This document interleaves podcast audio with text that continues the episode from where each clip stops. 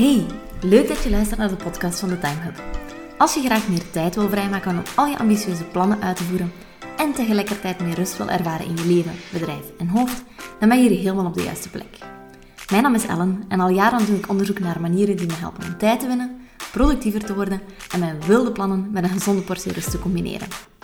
In deze podcast deel ik mijn bevindingen, tips en hacks en vooral ook het verhaal van mijn zoektocht naar meer tijd. Hoi hoi en welkom bij alweer een nieuwe aflevering van de Time podcast. In deze aflevering gaan we het hebben over een van mijn favoriete time management onderwerpen ooit. Ik weet dat ik dat over heel veel zaken zeg, maar dit is echt wel zo. Focus. Ik geloof namelijk ontzettend hard dat heel veel van onze tijd die dat we werken en spenderen, niet echt productief besteed kan worden, omdat we eigenlijk niet gefocust kunnen werken. Nu, ik ga ineens wel duidelijk maken, dat ligt echt niet aan u. Uh, zeker in deze huidige tijd zijn er gewoon super, super, super veel prikkels rondom ons. Dat eigenlijk echt een uitdaging geworden is om gefocust te blijven werken. Er zijn ontzettend veel stoorfactoren die dat ons uit onze flow kunnen halen en die ervoor zorgen dat we het noorden even helemaal kwijt zijn. Um, en zelfs al doe je alles wat je eraan wilt um, om, uh, om zo weinig mogelijk gestoord te worden, de kans is groot dat je aan het werken bent en dat je een buurman dan ineens begint te boren. Dus allez, je kunt er eigenlijk soms niet zoveel aan doen. Uh, maar ik wou het toch vandaag even hebben over uh, heel wat stoorzenders. En ik onderscheid eigenlijk um, twee verschillende soorten prikkels die dat je uit je focus kunnen halen. En enerzijds zijn dat interne en anderzijds zijn dat externe. Nu, interne prikkels die komen, zoals dat de naam het zelf zegt, van onszelf uit. Het zijn gedachten die in ons opkomen, bepaalde gevoelens die dat we hebben, onze gedachten die aan het afdalen zijn. Um, dat kent je waarschijnlijk even goed als ik. Uh, het feit dat je bijvoorbeeld aan het strijken bent en dat er ineens in je opkomt dat je nog iets van de winkel moet hebben. Dat is bijvoorbeeld het moment waardoor, uh, waarop dat je door een interne prikkel uit je focus gehaald wordt.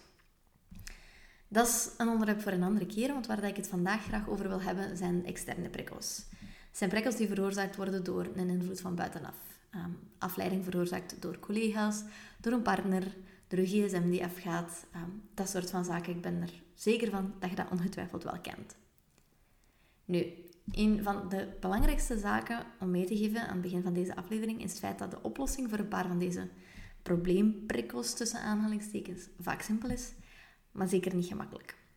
Ze vereisen namelijk allemaal een bepaalde aanpassing in communicatie en laat dat nu net iets zijn wat heel moeilijk is. Um, dus weet dat voor alles wat ik hierna vertel, dat er dus een oplossing is. Um, maar aangezien dat de meeste van die oplossingen te maken zullen hebben met het maken van concrete afspraken, het stellen van bepaalde grenzen, zullen ze waarschijnlijk echt niet gemakkelijk zijn om te implementeren. Toch wil ik dat je het zinnetje, ja, maar dat kan echt gewoon niet anders, hier even uit je hoofd gaat zetten. Want wat als het wel anders zou kunnen? Um, wat als je de dingen wel anders zou kunnen aanpakken dan hoe dat ze op dit moment zijn? Als je wel even oncomfortabele gesprekken zou kunnen aangaan? Um, wat zijn eventueel andere manieren om met de situatie om te gaan waar dat je misschien nog niet aan had gedacht?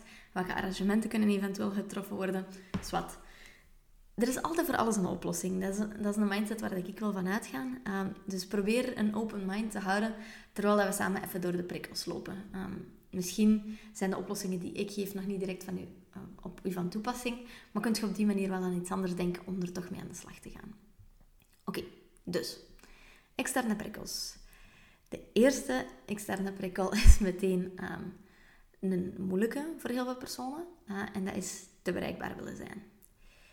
Je kunt dat samenvatten met het feit dat je misschien ja, je notificaties laat aanstaan op je gsm, je mailbox altijd laat openstaan, je collega's waarbij dat je een open door policy aanhoudt, um, dat je eigenlijk maakt dat mensen je altijd contact, kunnen contacteren voor iets dringends.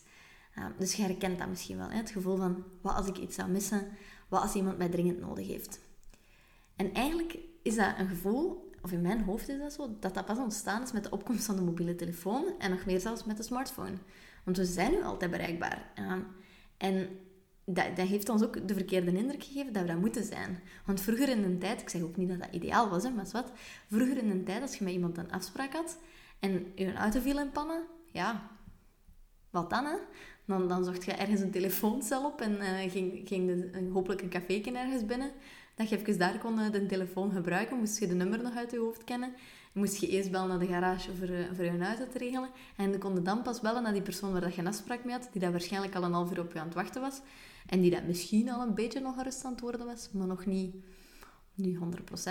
En met werken was dat net hetzelfde. Je had, een, je had een telefoon om iemand te bereiken, maar als hij naar huis was, dan was hij naar huis en dan, voilà, was dat gedaan. Want op de thuistelefoon ging die persoon niet bellen. Hè? Ehm, dus wat, door het feit dat we altijd bereikbaar kunnen zijn tegenwoordig, heeft ons dat bijvoorbeeld ook de indruk gegeven dat we dat zouden moeten zijn. Ehm, ik word er persoonlijk, en hij gaat dat niet graag horen dat ik dat hier vertel, dus vooral niet zeggen. Ik word er persoonlijk gek van als mijn man mij een paar keer na elkaar probeert te bellen en dan achteraf klaagt dat ik niet bereikbaar ben. En dan denk ik, tja, als ik altijd bereikbaar zou moeten zijn, dan zou ik niks gedaan krijgen tijdens mijn werkdag. En als jij een meeting hebt, dan ben jij toch ook niet bereikbaar?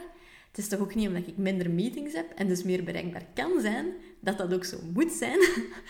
um, dus dat is ook een klassieker bij ons. Uh, als, als, als je dan bijvoorbeeld weet dat ik zeg, ik heb meeting tot drie uur, uh, en het is kwart na drie, en ik ben er nog niet voor bijvoorbeeld met een hond te gaan wandelen of zo, dan begint hij mij allemaal berichten achter elkaar te sturen van, zeg, hoe zit het? En ah, wel, gingen we niet gaan wandelen?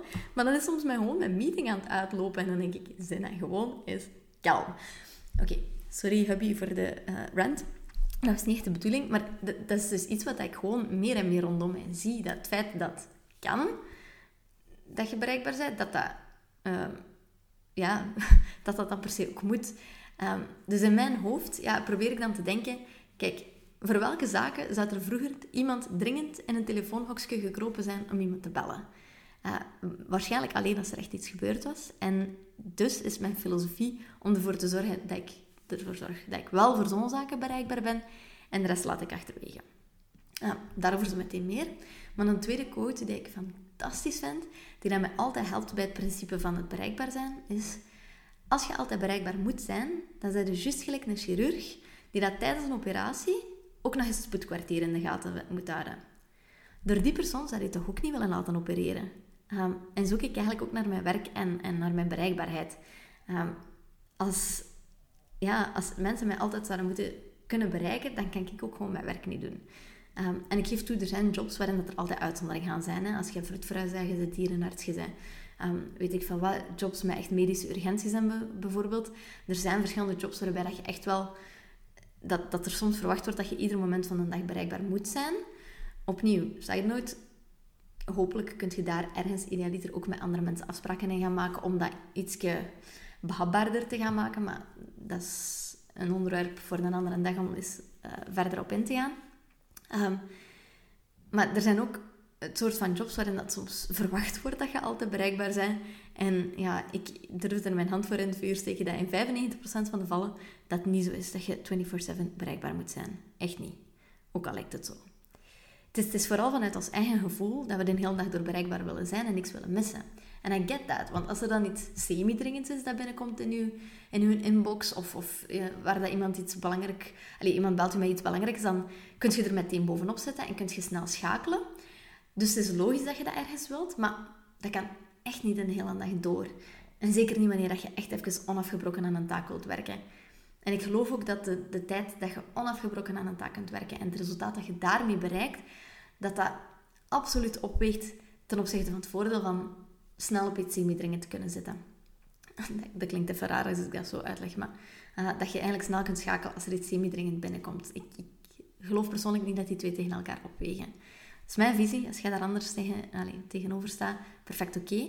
Ehm, maar mijn boodschap is dus altijd om te proberen om onze berichten en notificaties tot een minimum te beperken. Vroeger gaf ik altijd de boodschap mee om alle notificaties gewoon standaard uit te schakelen. Ondertussen ben ik hier iets genuanceerder in, want het nadeel is dat als je alle notificaties gaat uitschakelen, dat je externe prikkels gewoon door interne gaat vervangen.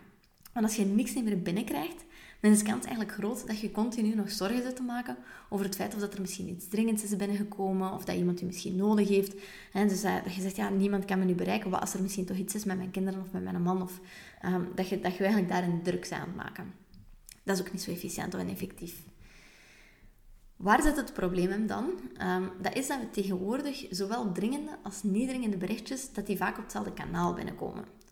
Mogelijk krijg je dagelijks berichtjes binnen via Slack, WhatsApp, mail, mogelijk andere kanalen. En kunnen die berichtjes zowel dringend als niet dringend zijn. Wat dat dus betekent dat je eigenlijk alles in de gaten moet houden en die notificaties moet laten aanstaan om niets te missen. De beste oplossing hiervoor is dus om eigenlijk beide te gaan splitsen. um, om ervoor te zorgen dat er één kanaal is waarop er echte dringende berichten kunnen binnenkomen. Bijvoorbeeld traditioneel kunt je vragen om mensen, dat mensen u bellen uh, bij dringende zaken. Maar dat kan even goed zijn dat jullie op het werk afspreken om bijvoorbeeld mail te gebruiken voor, dringend, uh, voor niet-urgente items en Slack voor dringende zaken, die wel echt nu nu moeten gebeuren. Um, en dat je dus eigenlijk daarvoor een, een goed kanaal gaat definiëren. En dan laat je notificaties voor dat kanaal aanstaan en zet je de rest uit. En probeer me nu niet wijs te maken dat je binnenkomt een piepje, dat je dat perfect kunt negeren, want het moment waarop dat je het piepje hoort, is het eigenlijk al te laat. Zet je al uit je focus gehaald. Dus zet dat maar gewoon uit. Zet je notificaties gewoon uit en zorg voor één kanaal waarop de dringende zaken kunnen binnenkomen. Please, please. Als er één ding is dat je implementeert van de dingen dat ik u probeer te vertellen, laat het dan dat zijn. Want dat is echt... Oh, dat is zo'n zonde voor je focus en je concentratie. En je kunt zoveel gedaan krijgen als je een uur of twee uur aan een stuk onafgebroken kunt doorwerken. Dus probeer het gewoon eens uit. En, en zet eens alles uit en zie dat kot niet gaat afbranden als je ook eens even gewoon niet bereikbaar bent. En weet dat ook best wat werk wel gaat vergen om iedereen rondom u te gaan trainen om enkel een specifiek kanaal te gebruiken wanneer ze proberen te bereiken voor dringende zaken. En dat kanaal daar dan ook voor vrij te houden. Maar opnieuw, maak voor jezelf eens een lijstje met duidelijke afspraken en grenzen. Dus welk kanaal wilt je waarvoor gebruiken, welke berichten mogen doorkomen en welke niet. En probeer die dan baby steps in te zetten. Heb je echt te veel schrik dat je iets zou missen? Start dan eens met een half uurtje werken met alle notificaties uit. Lukt dat goed? Dan kun je schakelen naar een uur. Je zult merken dat de hele wereld echt niet stilvalt als jij eens even niet bereikbaar bent. Of dat, zoals gezegd, kot niet in brand staat of zo. Dus de kans dat er echt iets ergs gebeurt is echt ontzettend klein. En opnieuw, zorg ervoor dat je je notificaties en je meldingen en whatnot zo inricht dat als er echt mensen zijn die u dringend voor iets zouden kunnen nodig hebben, dat u dan kunnen bereiken, maar voed mensen daar dan ook in op. Oké, dat was eigenlijk de eerste stoorzender, te bereikbaar willen zijn. En oplossing daarvoor, één kanaal waarop dat onze dringende notificaties binnenkomen en de rest vliegt allemaal naar aparte kanalen waarbij dat de notificaties uitstaan. De tweede externe stoorzender heeft eigenlijk te maken met te veel vragen en gesprekken. Nu, je weet waarschijnlijk wel al dat niemand op een eiland alleen werkt. Of dat je nu van thuis uit werkt en ondernemer bent of op een kantoor. Kans is groot dat je regelmatig mensen rondom je hebt. Ehm, mensen die vragen of dat je vijf minuutjes hebt. Kinderen die dat iets aan de mama komen vragen. Je partner die dat iets bedenkt dat hij van de winkel nodig heeft en hij moet je dat nu laten weten. Want anders vergeten het. Uh, collega's die rondom je beginnen tetteren. You name it, waarschijnlijk heb je dat allemaal meegemaakt. Er zijn een paar mogelijke manieren om hiermee om te gaan. Um, de eerste is om met een bepaald signaal te gaan werken. In de meeste ziekenhuizen is er bijvoorbeeld een persoon die voor een patiënt um, een medicijn dient te maken op een gegeven moment. En dat is een taakje dat echt een serieus focusniveau vereist. En daarom trekt deze persoon op dat moment dat hij eraan start aan de medicijn een geel hesje aan. Um, en dat is dan eigenlijk voor de rest van het personeel een teken dat ze hem gerust moeten laten. Die persoon heeft een geel hesje aan, die is hier een medicijn aan het maken, die moet zijn volle focus kunnen gebruiken. We laten hem gerust. Ook jij zou op het werk of thuis eventueel met een dergelijk systeem kunnen gaan werken. Zet uh, een rode vlag op je bureau, zonder te veel uh, connotaties daaraan. Uh, hang een papiertje aan je deur, eender wat, maar maak hier afspraken rond. Een tweede tip op dat vlak is om bijvoorbeeld zowel op het werk als thuis met bepaalde spreekuren te werken. Ehm, de, mag ik snel eventjes een vraag stellen van de persoon die aan uw bureau staat, dat is de dooddoener van uw focustijd. En dan zeker wanneer collega's en teamleden het aan de lopende band gaan doen. Um, en eventueel wat je daarbij zou kunnen bekijken is als je met een team samenwerkt om een soort van dagelijkse stand-up van een kwartiertje met je teamleden te houden, waarin dat iedereen zijn vragen kan stellen um, en vraagt dat ze dan niet dringende zaken tot dan bundelen. Als je een leider bent van een team, kun je bijvoorbeeld afspreken dat je twee keer per dag uh, gedurende een uur je deur openzet en dat mensen dan dingen kunnen komen bespreken. En dat voor de rest, als je deur gesloten is, dat dat eigenlijk betekent dat je liever niet gestoord wilt worden. Tenzij opnieuw dat er echt heel dringende zaken zijn, die worden dan naar een bepaald kanaal herleid. Uh, dus dat mensen dan ook niet op je deur komen kloppen met dringende zaken, maar dat ze dan bellen of zo. Dus dat zijn afspraken die dat je onderling kunt maken, die dat echt, echt al een heel groot verschil kunnen gaan geven. Uh, dus een signaal werken of bepaalde spreekuren af te gaan spreken, dat, dat werkt ook ontzettend hard. Um, ook thuis hè, zouden kunnen um, met, met je collega of met collega, ja nee, thuis met je man of met je kinderen bepaalde afspraken maken. Van kijk, als de deur van de mama dicht is, wil dat zeggen dat de mama niet gestoord wilt worden. Ik zeg niet dat het altijd 100% gaat werken, want kinderen zijn kinderen, maar je kunt het maar testen en je kunt het maar proberen te trainen. Het is al beter dan gewoon je deur laten openstaan, just in case. De laatste stoorzender die dat we vandaag gaan bespreken um, is te veel of te weinig geluid. Te veel geluid herken je misschien wel, maar te weinig mogelijk niet. Uh, dus ik ga even beginnen met te weinig geluid. En dat is eigenlijk puur een voorbeeldje van mezelf. Ik ben iemand die niet kan werken als er te weinig geluid is. Als het rondom mij volledig stil is, word ik daar ontzettend nerveus van. Uh, begin ik met alles rondom mij te spelen en zoek ik afleiding omdat ik de stilte niet aan kan.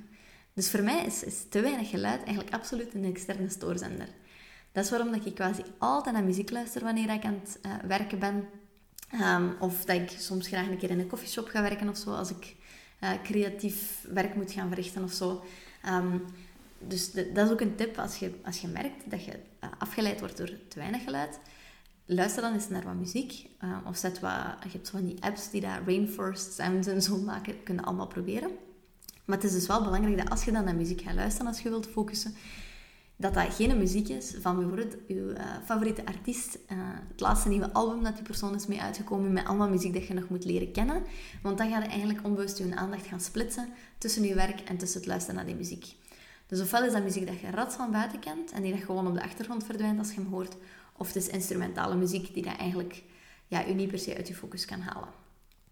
Nu, ik denk dat dat een, een, de minderheid is misschien van de mensen die zich kunnen, uh, niet kunnen focussen met te weinig geluid.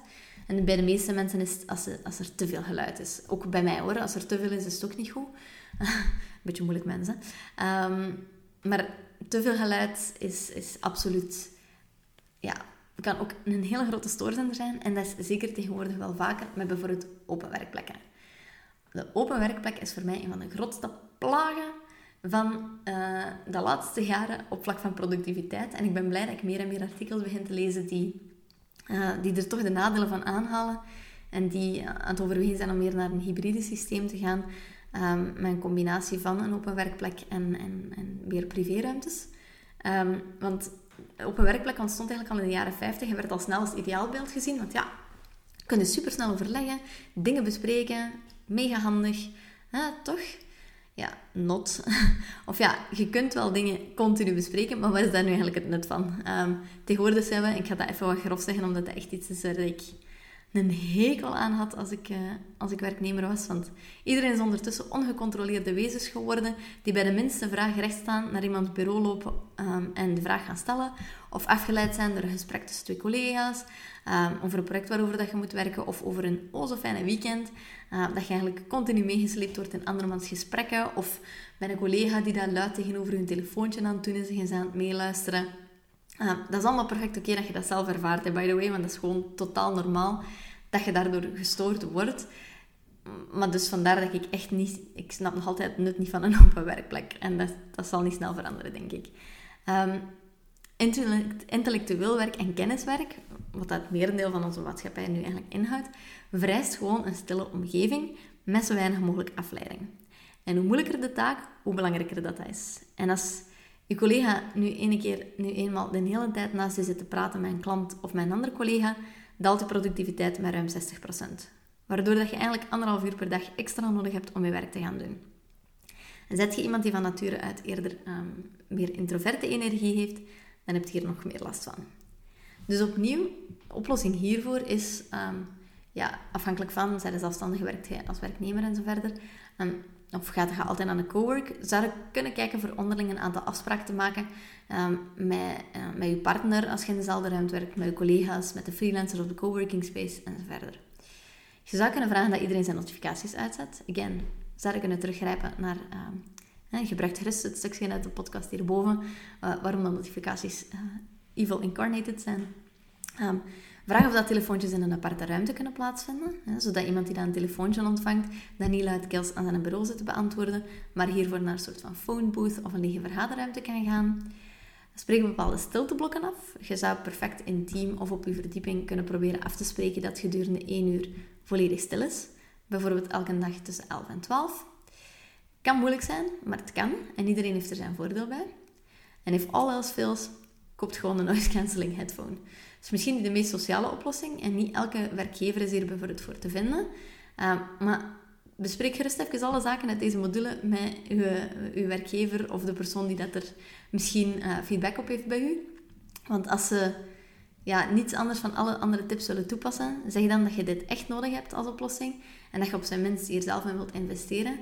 Um, maar dat voor je productiviteit echt wel super belangrijk is. En ik denk dat heel veel werkgevers en bazen dat die echt wel een opleiding kunnen volgen rond focus en rond wat ze allemaal verwachten van mensen. Want als ik hoor dat uh, een werkgever of een baas verwacht van iemand dat die non-stop bereikbaar is voor klanten, uh, dat die elke dag van s ochtends tot s avonds een telefoon oppakt, van zodra dat telefoontje wordt gepleegd, daar gaan mijn haren van gaan recht staan.